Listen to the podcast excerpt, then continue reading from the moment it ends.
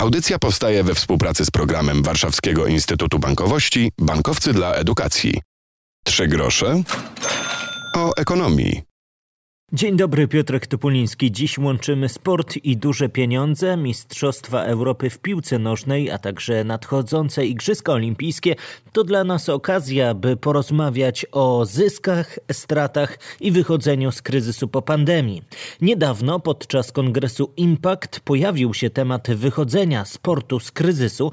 Organizatorzy tego wydarzenia pytali też o zmieniające się technologie i nas, widzów, którzy trochę inaczej niż choćby 10 10, 12, 15 lat temu korzystamy z pilotów, telefonów, smartfonów i telewizorów.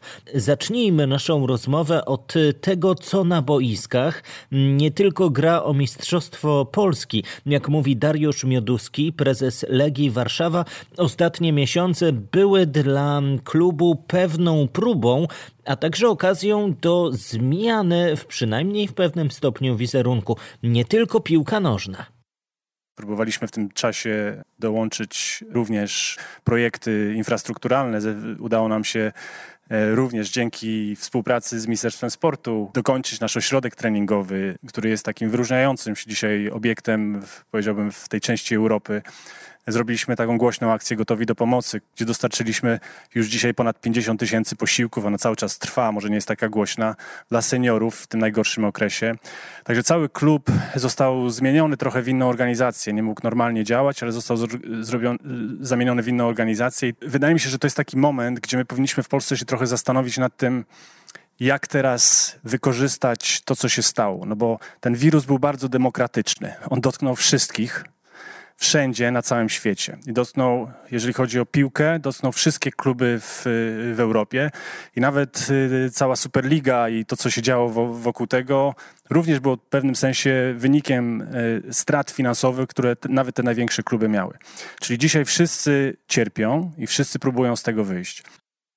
Jak mówi dr Mateusz Druszcz z uczelni Łazarskiego, a także członek Rady Nadzorczej Zagłębia Lubin, bardzo trudnym zadaniem pozostanie bezpieczeństwo imprez masowych. Jeżeli popatrzymy na, na na kluby piłkarskie, ale nie tylko sportowe, to one jakby bazują na trzech filarach, nazwijmy to społecznym, komercyjnym i sportowym. Sportowym, no to byliśmy w stanie go generalnie kontynuować, ale zawaliły się nam dwa filary. Pierwszy komercyjny, ponieważ przychody klubów też spadły znacząco, szczególnie jeżeli chodzi o ten jeden z najważniejszych przychodów, czyli z dnia meczowego, chociaż klub, który reprezentuje, wcale można powiedzieć tego tak mocno nie odczuł, ale też zawalił się filar społeczny, czyli mieliśmy sport bez kibiców, a to, to nie ma sensu. I jeżeli chodzi o to bezpieczeństwo, to jest to zadanie bardzo trudne, które nie tylko na obszarze tym legislacyjnym, ale tego bezpieczeństwa rozumianego jako całość zadań czy, czy obowiązków, to znalezienie tego złotego środka jest niezmiernie, niezmiernie trudne. No, trzeba wyciągnąć wnioski także i w zakresie bezpieczeństwa i, wracamy powoli na te stadiony. Dodam jeszcze opinię Witolda Bańki, prezydenta Międzynarodowej Agencji Antydopingowej. Jest więcej testów. Testuje się i zawodników, i publiczność. I to bezpieczeństwo to będzie hasło na pewno powtarzane podczas nadchodzących igrzysk w Tokio. Bez kibiców na stadionach, na trybunach, stadiony i kluby piłkarskie nie mogły zarabiać. To wywołało dużą dziurę w budżetach wielu klubów. Jak mówi Olgierd Cieślik z Totalizatora Sportowego, ważne było wsparcie sponsorów podczas pandemii, momentami większe niż e, w czasie przed pandemią, tak by klub mógł stać na nogach i dokończyć rozgrywki i myśleć o najbliższych miesiącach. I w trudnej sytuacji była branża w całej Europie i na świecie. A w Europie był też temat, choć przez chwilę, Superligi. Przez pewien czas e, kluby piłkarskie z największych lig myślały o tym, żeby założyć własne rozgrywki, jednak reakcja świata piłkarskiego sprawiła, że temat ten zniknął tak szybko, jak się pojawił. Pozostały jednak pytania o pieniądze czy zarobki z transmisji. Olgierd Cieślik, totalizator sportowy. Rozumiem dużą utratę pieniędzy dla największych klubów w Europie. Przez pandemię przede wszystkim utraciły ich chęć pozyskania tych środków przy organizacji Superligi, ale zwróćmy uwagę, że te wszystkie rozgrywki są robione dla klientów, czyli dla kibiców. Kibice z tego przynajmniej, co ja wiem, no nie odebrali za dobrze tego całego projektu. Ten czynnik społeczny, czyli mamy kibiców, którzy chcą uczestniczyć i rodzą się dzięki temu emocje, był przeciwko utworzeniu tego.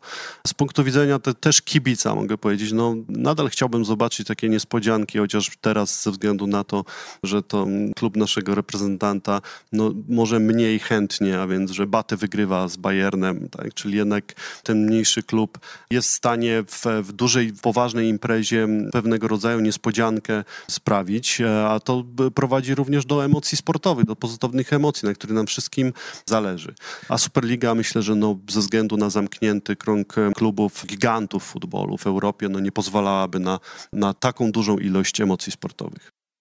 A skoro jesteśmy już przy transmisjach, to usiądźmy przed telewizorem, a może inaczej, wyjmijmy telefon z kieszeni i zajrzyjmy do tego, co się dzieje na boiskach. Interakcja jest ważnym elementem dzisiejszych transmisji. Zwraca uwagę na to Dorota Żurkowska, TVN Grupa Discovery. To nie jest tylko kwestia transmisji, ale tak naprawdę szukania odpowiedzi na potrzeby widza, który tą transmisję chce oglądać, bo już dzisiaj realizujemy interaktywnie nie tylko sam fakt eventu sportowego, ale podajemy wszelkie informacje, które mogą być interesujące od statystyk, poprzez wybrane fragmenty, poprzez różnego rodzaju platformy, które towarzyszą oglądaniu tylko relacji. I to jest rzeczywistość, którą już dzisiaj mamy wraz ze wszelkimi interaktywnymi technologiami, a prawdopodobnie mówiąc o tej perspektywie 10 lat, pójdziemy jeszcze dalej, dlatego że mając do czynienia z e, big data, ze, ze znajomością e, naszych widzów coraz głębszą, prawdopodobnie coraz bardziej możemy podawać te wszystkie informacje wokół eventów, które są szczególnie interesujące dla indywidualnego odbiorcy. I ta personalizacja, indywidualizm i odpowiadanie na potrzeby indywidualne na pewno jest takim mianownikiem, czy też kwestią, która nas będzie prowadziła przez kolejne 10 lat. Takie jest moje przewidywanie. W audycji dzisiaj temat ważny dla kibiców piłkarskich Mistrzostwa Europy, a na horyzoncie Igrzyska Olimpijskie w Tokio. To wszystko sprawia, że łączymy dzisiaj tematy sportu, gospodarki, dużych pieniędzy i może jeszcze warto porozmawiać o technologiach, bo te zmieniają się na naszych oczach i czasem nie jesteśmy świadomi tego, jak bardzo różne jest nasze podejście do oglądania transmisji, powtórek meczów, analiz tego, co się dzieje na boiskach czy stadionach. Na tę ewolucję, a może rewolucję w technologiach zwraca uwagę Michał Pol z kanału sportowego, jeden z gości niedawnego kongresu Impact.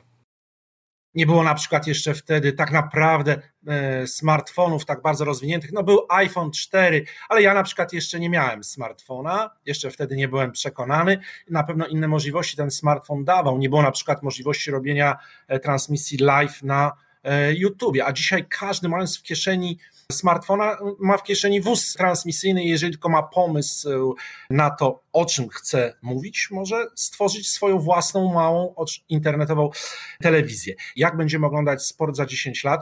Czy nie powinniśmy zadawać sobie pytania, czy jeszcze będziemy oglądać e, sport e, za 10 lat? Oczywiście myślę, że tak, ale nie, nie jestem wcale przekonany, czy wówczas już więcej widzów nie będzie miał e-sport i wydarzeń na żywo i po prostu, może za 10 lat jeszcze nie, może za 20, e, wtedy już tak, wtedy pewnie ze stacji telewizyjnych znikną niektóre dyscypliny sportu, które dzisiaj jeszcze ciągle można oglądać, po prostu dlatego, że to młode, dorastające pokolenie coraz mniej tego sportu ogląda. Nawet w tych najbardziej popularnych e, dyscyplin jak piłka nożna, właśnie między innymi wyniki tych badań skłoniły twórców e, Superligi do stworzenia Superligi, żeby uatrakcyjniać e, swoją dyscyplinę. Zobaczmy, że zmieniają się, chcą reformować, zmieniać nawet przepisy, czy Formuła 1, czy tenis, czy właśnie piłka nożna o tym wspomniał. Florentino Perez, nie doszło do tego. Natomiast tak, bawiąc się w futuryzm, to ja myślę, że za 10 lat będziemy oglądać wydarzenia sportowe na urządzeniach, które jeszcze nie zostały wynalezione, w technologii, która jeszcze nie została wynaleziona i być może będą to nam pokazywać, największymi graczami będą podmioty, które jeszcze nie powstały, bo tak dynamiczna jest sytuacja i, i, i zobaczmy, za 10 lat nie wykluczam, że prawa będą miały takie giganty do pokazywania tych najlepszych wydarzeń e, sportowych, nie wiem, Amazon, Facebook, wiemy, że już robią kroki, już się przymierzają, już coraz głębiej wchodzą w ten rynek, już pierwsze prawa mają i kupują kolejne, ale jeszcze się nie panoszą, jeszcze nie chcą być graczami globalnymi, na razie bardziej lokalnymi. Polecam obserwować profil Kongresu Impact na YouTubie. Tam całe wystąpienia i rozmowy, tematy, nie tylko związane z tym, co dziś u nas, nie tylko sport i technologie, nie tylko duże pieniądze w tej branży. Było też innymi o przenoszeniu własnej firmy do internetu i o pomysłach na to, jak wykorzystać umiejętności młodych ludzi na rynku pracy, czyli tematy, którymi i my się interesujemy w audycji Trzy grosze o ekonomii.